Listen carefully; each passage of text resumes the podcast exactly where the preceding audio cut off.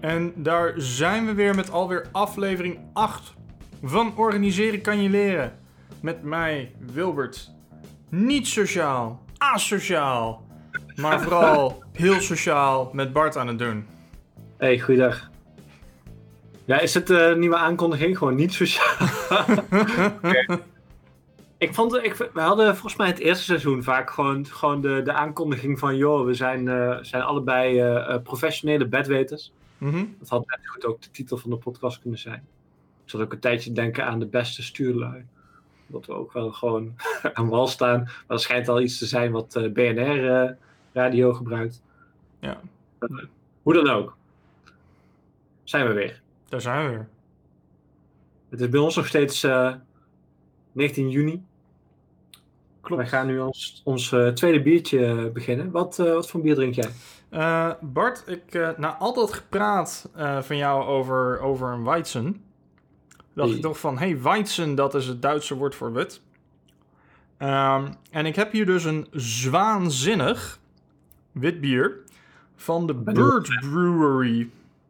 Hou me eens even voor de camera daar. Oh ja. Ja, nice. Ik heb al heel veel biertjes van hen gedronken. Van die, Ja.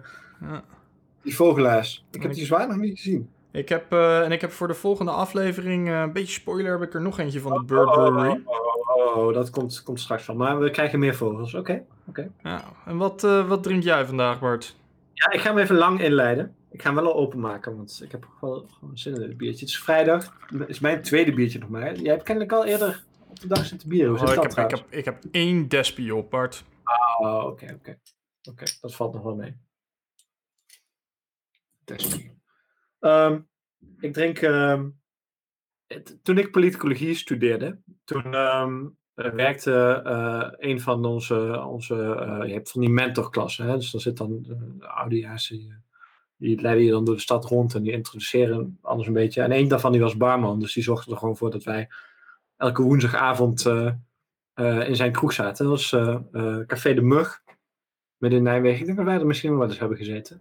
Mhm. En eh, eh, daar hadden ze muggenbier. Dat is gewoon een soort van, van bitter biertje. Ze hadden eh muggenbeetjes. Dat is eh, een legendarisch shotje. Wat een eh, zekere vriendin van ons uit, eh, uit Tilburg eh, ook ontzettend goed kan drinken. Een soort wodka onderaan. Bovenop eh aanmaaklimonade. En dan valt daar op een of andere manier tabasco tussen. Echt geweldig eh, shotje. Ehm, maar ze hadden daar ook altijd alle lekkere biertjes van de Scheldebrouwerij. Hmm. Dus ik heb nu eh een strandgaper. Is het eh, frisse blonde biertje van de Scheldebrouwerij. Dus ik weet eigenlijk al dat dit bier lekker is. Maar eh, we, hebben, we hebben vroeger wel eens klachten gehad. Hè, dat wij eh, altijd bier dronken wat, wat niet lekker is. Wat er eigenlijk gewoon neerkwam dat één van ons het niet lekker vond. Omdat de andere dat meegenomen. Goed, dit bier weet ik nu al dat het lekker wordt. Want ik heb het al vaak gehad. Ehm, ik nou, had het gezegd. Dus proost. Op je Hey. gezondheid. Hmm. Zo. Oh, wat is deze lekker zeg. Ho, ho, ho, ho. Ja. Alright. Zo, daar kan ik wel op doorgaan. Kijk, nu al gewoon een, eh, een bierkooptip. Zwaan. Zwaanzinnig. Oh, man.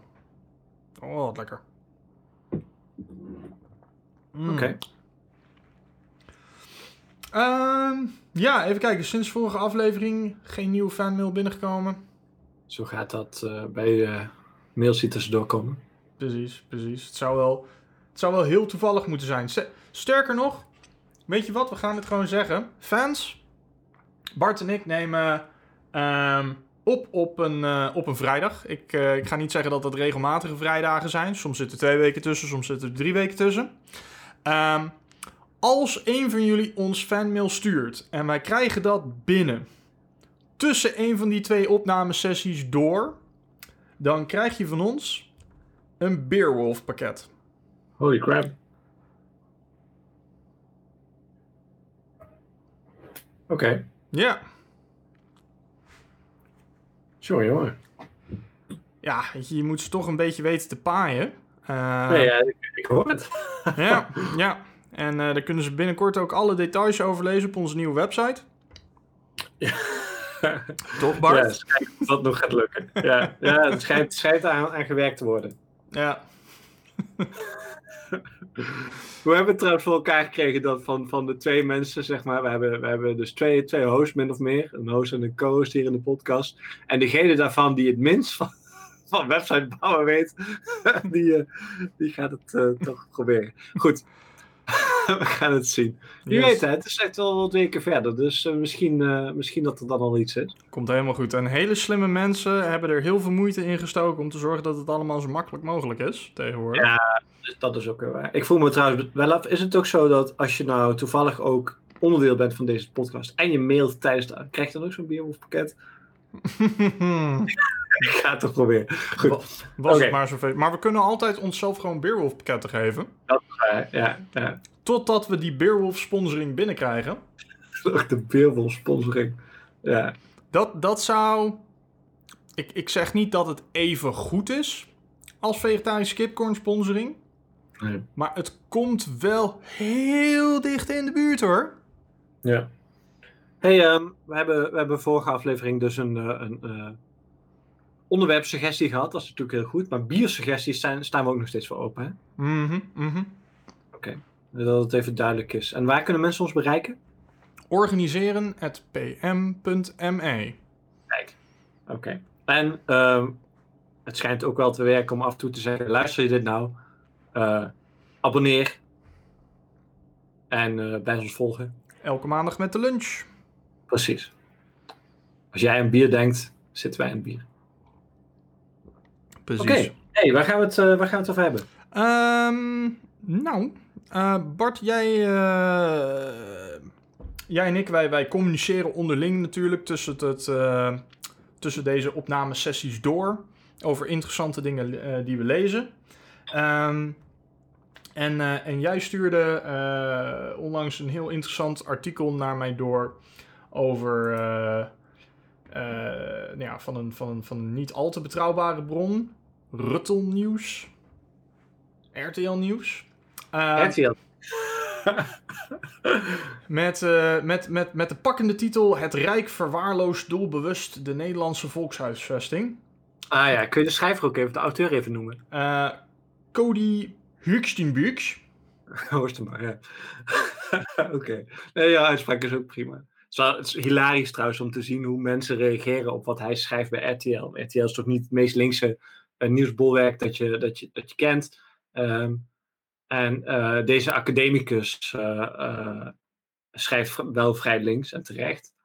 Um, oh. Heel scherp over, over hoe het nou precies met de volkshuisvesting, ook wel bekend als de huizenmarkt, staat. Um, ik weet even niet meer precies wat daarin stuurde. Wat wel leuk is om vandaag misschien nog even te noemen, is dat uh, vandaag of dit weekend, dus het weekend van 19 juni, wordt, worden wat, weer wat euro's overgemaakt door woningbouwverenigingen aan het Rijk. via de zogenaamde verhuurdersheffing. Dus ingesteld tijdens de, de vorige crisis met het idee om wat extra middelen te, te vrij te maken voor het, voor het Rijk. Uh, maar dus de, de mensen die in uh, sociale huurwoningen wonen, en dat zijn overweldigend mensen met een laag inkomen, Ik weet die betalen daarmee aan de Rijksbegroting. Ja. het is wel als... interessant. Heel veel mensen denken dat sociale huurwoning, dat sponsoren we toch? Nou, dat is niks van waar.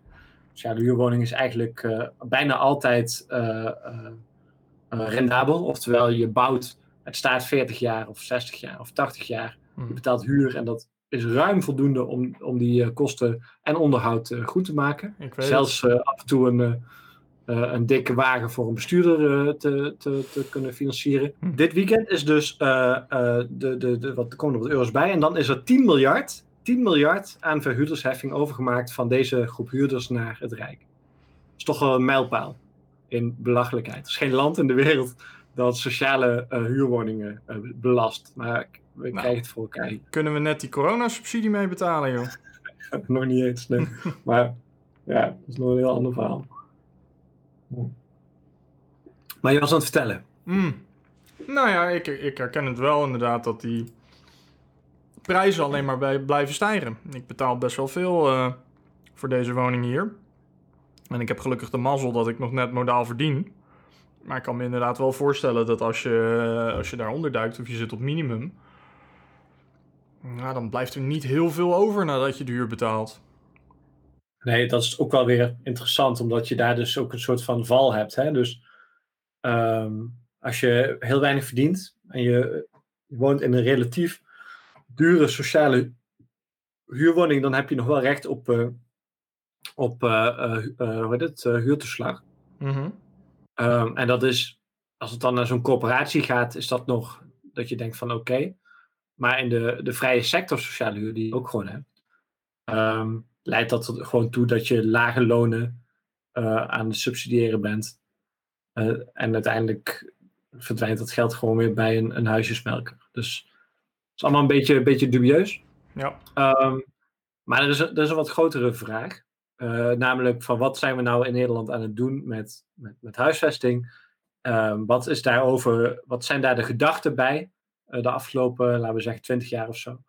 Um, en ik vind het interessant om met jou hierover te hebben, omdat we, uh, zeg maar, de ene keer, ja, kennelijk ben je sinds de aankondiging van, van deze, deze aflevering gewoon evil, maar hiervoor was je een soort van twijfelende liberaal. Mm -hmm. En huisvesting is zo'n vlak waarbij het aan de ene kant volstrekt duidelijk is dat het een infrastructurele kant heeft. Hè? Je wil dat, dat, dat mensen ergens kunnen wonen. En aan de andere kant heeft het heel duidelijk een marktsegment. Dus hele dure, luxe woningen. Um, en daar, daardoorheen komt nog het idee dat de huizenmarkt, in ieder geval de afgelopen 50 jaar, zo'n beetje de enige manier is geweest waarop je als middenklasse uh, uh, een, een, behoorlijk vermogen kunt aanwenden. Mm. Um, dat speelt allemaal door elkaar. En ik, ik ben wel benieuwd hoe jouw gedachten of, de, of, of dit alles uh, een beetje um, zijn. Ja, kijk, het, het, het, het, het blijft. Blijft interessant. Kijk, uh, het, het argument dat je, dat je standaard hoort van veel mensen, waar, dat, dat, ik, dat ik tot op zekere hoogte wel begrijp, is van joh, uh, huren is gewoon geld weggooien. Um, en het idee om, om, om vastgoed te kopen uh, als, een, als een investering naar de toekomst is, nou, dat is heel begrijpelijk. Um, de, de, de, de, vraag die je natuurlijk bij kan stellen is van... Um, met, met het hele hypothekensysteem dat erachter steekt... Uh, met rente die erbij komt kijken en de onderhoudskosten die je hebt aan zoiets. Ja, in, in hoeverre is het nou echt het opbouwen van vermogen?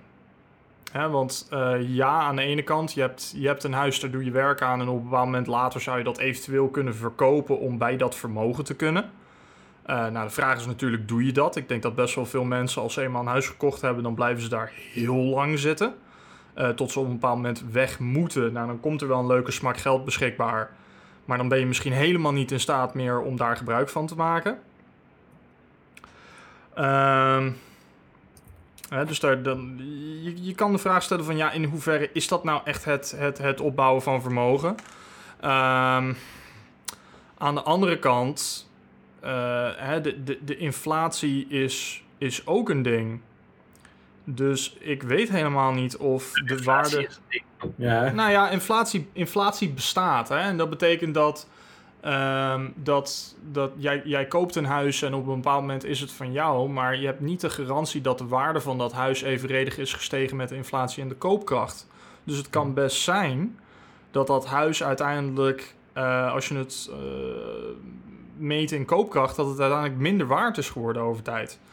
Dus ja, ik, ik, ik weet niet in hoeverre dat, dat, dat argument van, uh, van, van, van waarde vergaren, um, in hoeverre dat in de praktijk nou echt effectief blijkt te zijn.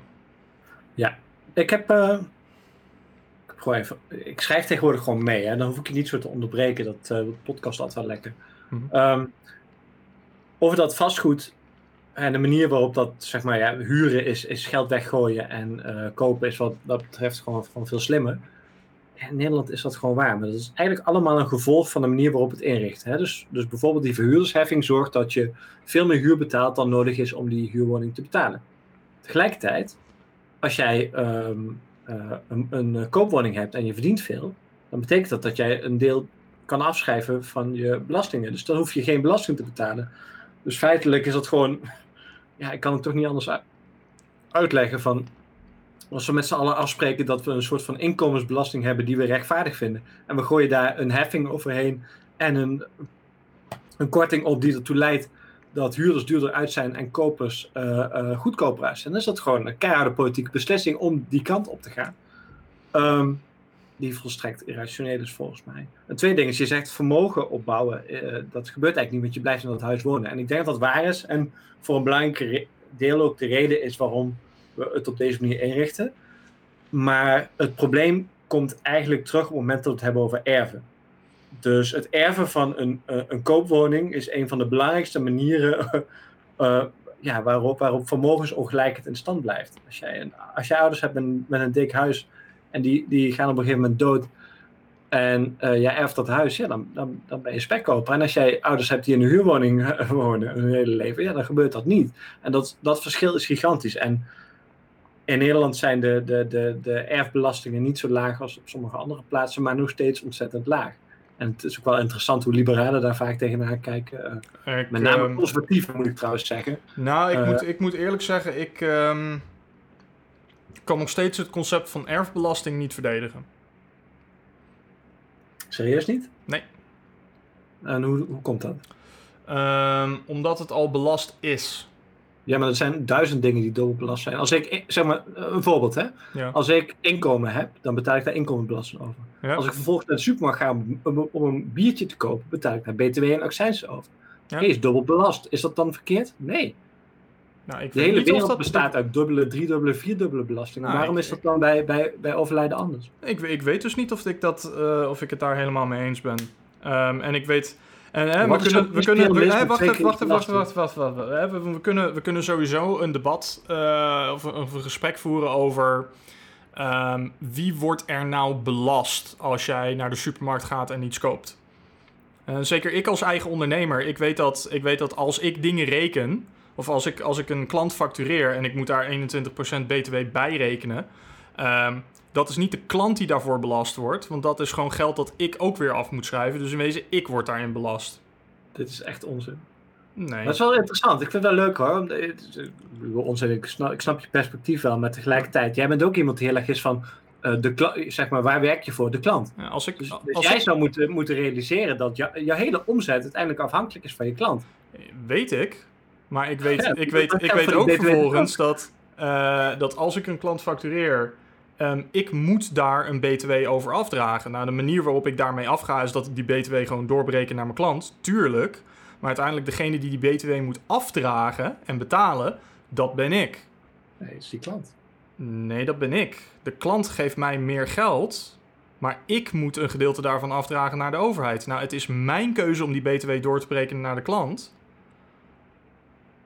Hè? Maar ik had. Ik, ik had pand betalen.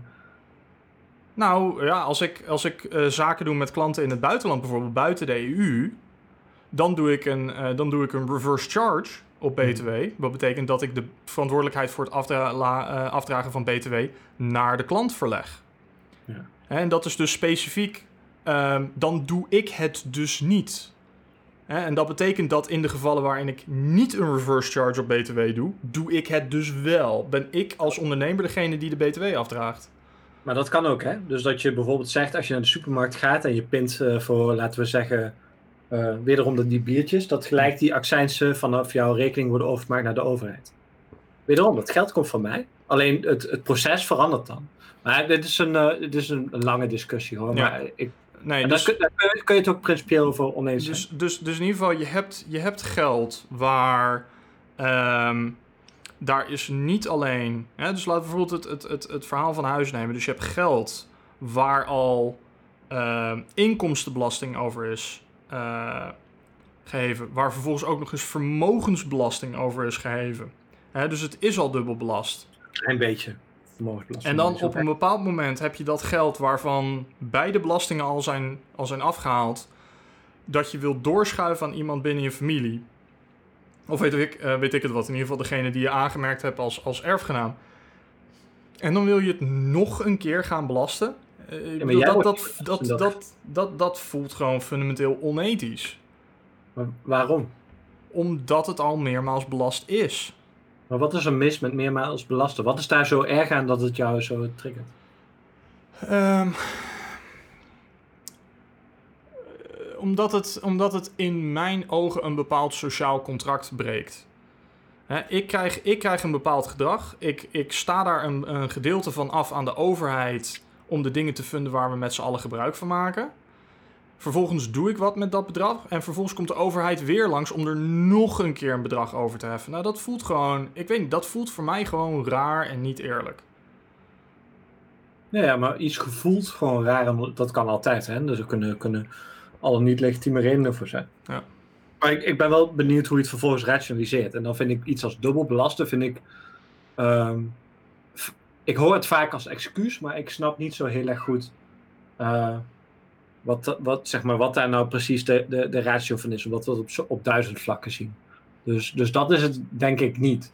Ja, maar dat, we Ehm. het, dat we het heel vaak zien, maakt het nog niet goed.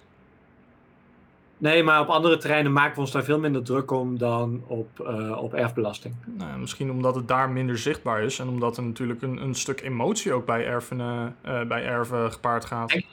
Dat het niet veel meer ook bijvoorbeeld een soort van Kahneman-ding is, zeg maar je verlies eh, moeten nemen. Dus bijvoorbeeld je, je, je, je erft een bepaald bedrag en in één keer blijkt dat toch wat lager te zijn. En we vinden het heel moeilijk om dat te accepteren.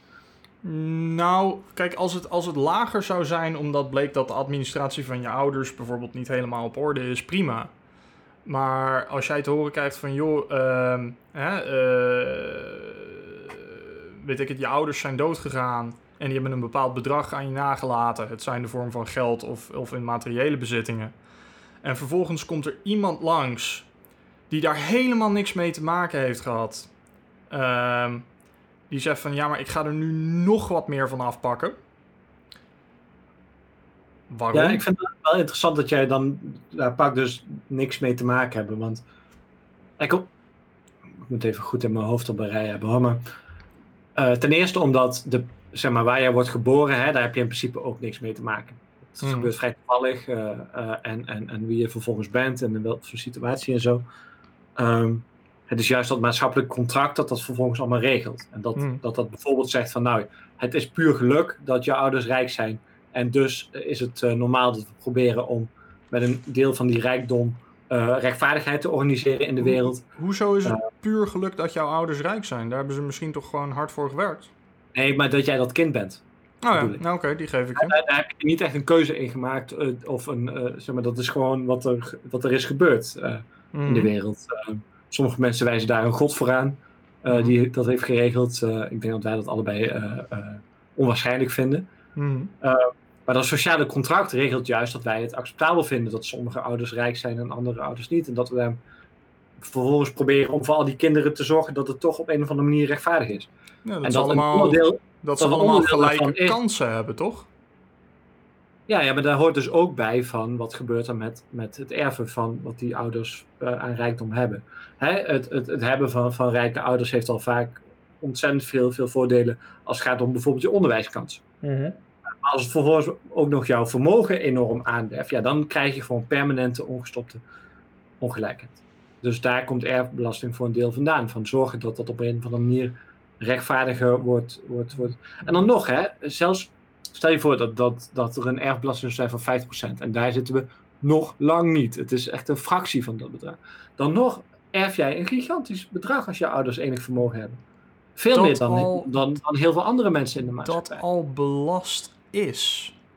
Wederom, who cares? Ja, maar het is, het is toch aan mij wat ik wil doen met mijn geld als het eenmaal, als het eenmaal op mijn rekening staat, joh. Ja, nee, oké. In dat geval, hè, want dat, dat, dat, ik, ik kan je ergens volgen, maar dat zou, eh, zeg maar, dan moet je, ik denk dat, ik denk dat, dat, ik, dat ik dat argument alleen maar zou, zou accepteren zelf, Mhm. als de beginsituatie voor iedereen gelijk zou zijn. Dus als er niet, zeg maar, een soort van originele erving was. Uh, dus, Eh, dus ouders die erven van ouders, die erven van ouders, die erven van ouders. Dus als het nou zo is, hè, dat, dat jouw ouders, eh, het gaat niet om jouw ouders, het gaat om, om, om, om überhaupt ouders, eh, de beslissing maken om een hele leven lang te sparen eh, met als doel en, en, en voor de rest zeg maar ook niks hebben gekregen en niks hebben geërfd zelf. En, en, en mhm. als vanuit die beslissing voortkomt van wij willen ons kind dit meegeven, zou ik er nog iets van, van begrip voor hebben. Maar dat is gewoon niet het geval. Het is allemaal gewoon toeval. Ja. Dus? En dan, dan is die, die, dat idee van, van die dubbele belasting is, is voor mij een stuk minder overtuigend. Ja, ik, ik denk niet dat wij het eens gaan worden op dit vlak. Um, ik ik, ik zie. Ik, ik, ik snap wat je bedoelt, of ik snap wat je wil zeggen met, met, met gelijke kansen. Um, en, en, en, en ik vertaal dat naar veel meer een, een, een omgeving waarin, uh, waarin iedereen de gelijke kans heeft om, om, om dingen te starten en experimenten te doen en zijn leven op te bouwen. Ik weet. Ik, oh. en, en wacht, en ik weet dus niet. Nee, wacht. Um, ik vind het niet noodzakelijk dat je daarbij de mensen die geluk hebben. Um, dat je dat geluk naar beneden moet gaan brengen. Want daarmee uh, verhoog je niet de kansen voor anderen. Dus ik, weet niet of, of, het, of, of ik dit vergelijk op een duidelijke manier ga maken. Maar ik zag vandaag uh, een post naar aanleiding van iets wat een, een jongen die, die, ik ken had geschreven in het blad van de Sociaaldemocraten. En, en de vraag die, hij kreeg was van joh, um, je stelt dat je, dat je een beperking moet zetten aan bezit dus, en aan marktmacht. maar is het niet juist het, het, het, het niet beperken van die marktmacht, dat maakt dat innovators proberen om iets te bereiken op die markt. Dan rem je dat niet af. En zijn antwoord daarop was van, het punt is juist dat als je die markt niet toegankelijk maakt voor nieuwe, zeg maar, het moet aan de ene kant lonen, dat moet je ook erkennen. Hmm. Maar zolang je niet zorgt dat er een nieuwe mogelijkheid is om dat over te nemen, beperk je juist toekomstige marktverstoorders, of, of hoe je het ook wil noemen. Uh, disturber, uh, hoe dit, uh, je hebt dat, dat woord er wel eens vaak hebben besproken, um, disruptors en zo. Ja. En dat is hier een beetje hetzelfde, hetzelfde verhaal. Aan de ene kant wil je dus het soort van belonen, maar aan de andere kant wil je zorgen dat voor anderen die kansen er ook zijn. Mm -hmm. ik denk dat dat hier net zo, net zo goed geldt. Ja, maar de, de, de, de, de rare vertaling, waar denk ik jij en ik in verschillen, is dat um, ik zie dat als het, als het creëren voor een speelveld waarin, waarin mensen vrij zijn om te, om te experimenteren en die markt te betreden.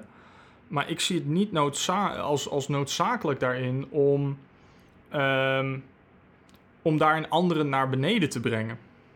Ik, uh, ik kan me voorstellen dat we een beetje richting het einde van deze podcast, uh, over, mm -hmm. die uiteindelijk toch heel weinig over de huizenmarkt gaat. Maar misschien dat, dat we op erfbelasting toch nog een soort van middenpunt kunnen bereiken. Mm. Maar daarvoor is het wel, denk ik, belangrijk dat ik aan de ene kant opzij zet dat het heel puur blijft. En jij aan de andere kant dat die dubbele belasting op een gegeven moment toch een, een rol gaat spelen. dat mm. is eigenlijk als je het progressief maakt. Dus als je bijvoorbeeld zegt, uh, tot een ton, prima, praten we mm. niet over. Maar daarna gaan we het heel progressief belasten zeg maar, het heeft voor mij bijvoorbeeld geen enkele ratio dat iemand een miljard erft. Ik snap daar helemaal niks van. Mhm. Het heeft geen functie. Hè, voor, uh, uh, ja, het is misschien al een keer belast. Wederom, dat vind ik, vind ik een, een, een, een non-argument. Ja. Um, hoe zou je tegen zoiets aankijken? Uh, ja, goed, ik, ik, ik blijf daar toch een beetje blijkbaar aan de rechterkant staan. Ik denk op het moment dat jij het geld binnen hebt en het is belast, is het volledig mijn recht als burger om zelf te beslissen waar dat naartoe gaat. Als ik jou 100.000 euro wil geven, dan doe ik dat toch lekker. Waarom zou ik daar nog een keer belasting over moeten betalen? Ik vind het wel, lekker dat we gewoon ook even, want, want ik begon al te twijfelen van, van, van gaat het gebeuren? Hoe ver krijgen we wil naar de linkse kant op? Maar hier is uiteindelijk het, het, het, kernpunt van de vraag van hoe, hoe heilig is het eigen bezit?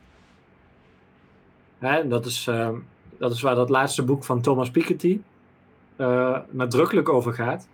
Hmm. Um, en dat bezit is behoorlijk heilig gemaakt. Maar dat dient eigenlijk weinig maatschappelijke functie. En we zullen daar toch op een, op een manier afscheid van moeten nemen. Dus hij doet dat bijvoorbeeld door te zeggen van nou, je zou vermogen gigantisch hard moeten belasten. En dan het liefst niet als mensen sterven, want dat is heel gevoelig. Maar doe het maar van tevoren. Door gewoon bijvoorbeeld continu een, een, een wat hogere vermogensbelasting te, te, te, te, maken. En het tweede punt wat hij maakt, iedereen krijgt op zijn, uh, wat is het, 21 of zo, uh, eh, 2 ton. Dan ben jij, namelijk met die 2 ton stelt jou in staat om ergens in te investeren, of nou jezelf is of een bedrijf, mm. en deel te nemen op die manier aan het economisch uh, verkeer. Ja, en tegelijkertijd, doordat jij een hele harde cap hebt gezet op wat je kan bereiken, trek je ook een, eh, een, een, een hele hoop van, ja, bij gebrek aan beter woord, de, de lol eruit. Denk je dat? Ik, Ja. ik- ik- ik- is het nou echt zo dat het voor mensen een verschil maakt? Want dat is het argument wat, wat Piketty heel duidelijk maakt. Hè? Vanaf een bepaald bedrag, laten we zeggen 100 miljoen, eh, voel je het niet meer. Nee, en... mm, En ik vind, Het- ik vind het- zelf nee, iemand nee, als Musk daarbij maar- belangrijk. Hè? Want, want dat is toch iemand die door, door links niet zo, zo interessant wordt gezien. Maar ik vind het toch wel, wel, wel boeiend. nou, Eh, ik, denk, ik heb niet het idee dat die man nou echt eh, iets interesseert hoeveel eh, miljard die verdient. Nee. Ehm, en, en, ik, en ik ga volledig met je mee, want het, het gaat op een bepaald moment ook niet, niet over het geld. Geld. Geld is ook maar een meting van succes. Precies. Maar op het moment dat jij daar een harde cap op zet, wat je eigenlijk zegt, of wat je eigenlijk communiceert aan mensen is, jij mag ten hoogste zo succesvol zijn. En daarboven vinden we het eigenlijk helemaal niet leuk. Ja, ja, dat is wat je... ja, ik, Dat ik is- nee. Dat is Volgens wat je communiceert. Die totaal onbelangrijke gaatmeter. Nee, ook wederom, het gaat niet over geld. Het gaat erom dat jij aan mensen communiceert: dit is hoe succesvol jij mag zijn. En wat gaan, wat gaan mensen doen? Die gaan net succesvol genoeg zijn. En een beetje, beetje wat we in vorige afleveringen besproken hebben. Als jij tegen mensen zegt eh, op, een, op een callcenter afdeling: van joh, we willen dat je tenminste voor 80% van je tijd in gesprek bent met mensen, dan gaan ze mikken op exact 80%. Oké, maar eh, mij maakt het niet uit welke van de twee we pakken. Hè? Of we nou belasten tijdens iemand leven of als iemand doodgaat. Maar ik vind het niet te rijmen dat je aan de ene kant zegt van... we willen ongeremd eh, eh, die, die rijkdom, zeg maar, eh, tot op zeg maar door laten gaan. Mhm. Dus Dan zeg ik van, nou, belast dat. Maar als we dat niet doen, nou, dan belasten we als hij dood is. Dan, is dat, dan, dan hebben we in ieder geval dat, dat, dat potentie niet geremd. Maar het kind van Musk, waarom die miljarden zou moeten erven, ik heb geen idee. Ja, dat is toch lekker aan Musk of hij dat wil doen? Ik bedoel, Bill Ja. Gates heeft het besluit genomen om, eh, wat was het, 90, 95 procent van zijn eigendom weg te geven. Dat is zijn goed recht. Dat beslist Ja, hij toch lekker Wil- zelf wel. En, en ik denk dat, dat uiteindelijk de, de kern die daaronder ligt, is de vraag van hoe, wat is bezit? En uit- uiteindelijk is bezit niks meer dan een eh, maatschappelijke afspraak. Er is niet zoiets als een natuurlijk recht op bezit. Ja, maar dit, dit, ja, nou, dat ben ik dus niet met je eens. Dit, dit, gaat, dit gaat in De zekere zin... van ons verschil. Kijk, Dit, dit, dit gaat in zekere zin niet eens meer om bezit. Dit, dit gaat gewoon over jouw, ehm, over jouw vrijheid als persoon om over je eigen leven te beschikken. elke vrijheid als persoon moeten we met z'n allen vaststellen. Nou, ik vind, ik vind een hele belangrijke dat, eh, dat jij hebt een vrijheid van meningsuiting. En geld is ook een vorm van vrijheid van meningsuiting. Wederom, als het eenmaal binnen is en belast is, omdat dat het maatschappelijk convenant is dat we gesloten hebben met z'n allen, omdat er bepaalde dingen zijn waar we gezamenlijk gebruik van willen maken en we hebben een regering aangesteld om dat te regelen van ons. Maar als we die, als we die barrière eenmaal gepasseerd zijn en we hebben die afdracht gedaan, dan is het daarna gewoon helemaal aan jou wat jij met je geld doet. Of je het nou Ja. weg wil geven, of zelf uit wil geven, of wil doorgeven aan een volgende generatie. Daar heeft een overheid helemaal niks meer mee te maken, joh. Maar goed, hoe we dat vervolgens inrichten en zo, dat hebben we net al, al veel besproken en wat we daar precies willen. Ik zou stellen van, stel je voor dat je nou dit luistert en zegt, denkt van, nou, ik ben getriggerd door, door jou, eh, ehm, ik ga er geen kwalificatie aan nemen, aan geven, jouw jouw jouw gedachtegang of die van mij. Laat het weten, dan kunnen we hier nog een keer over, over verder bomen. Misschien nog wat gestructureerder. Eh, hoewel dit al denk ik wel heel duidelijk de verschillen in ons soort gedachten eh, eh, weergeeft. Hoe, hoe was je biertje? Hij was waanzinnig, Bart. Had je die al bedacht? Ah, nou, het is de titel en de titel klopt gewoon. Weet je, nul false advertising. Dat is een heel erg lekker wit bier. Eh, ja, ik, ik, heb, ik heb even geen woordgrap met strandgaper. Ik ben best wel van de woordgrappen, maar nee. Maar goed. Oké. Alright. Jongen, jongen, heftig, eh, heftig eh, podcast ineens. Nou ja, het werd weer eens tijd voor eentje waar we het, waar we het oneens waren, toch? ik, ja, zo, zo, wij plaatsen onze, on- onze, onze piketpaaltjes van waar zijn nou de grenzen waar ons, ons gezamenlijke blik op de wereld een keer ophoudt. Eh goed om aan te geven. Precies. En eh, we podcasten weer verder eh, volgende week. Precies. Tot volgende week allemaal. Hey. Dank jullie wel voor het luisteren van deze aflevering van Organiseren kan je leren. Mocht je vragen hebben over of commentaar hebben op hetgene wat we besproken hebben deze aflevering, of een suggestie hebben over wat we kunnen bespreken in een volgende aflevering, dan kan je ons bereiken op organiseren.pm.me. Dank jullie wel en tot de volgende.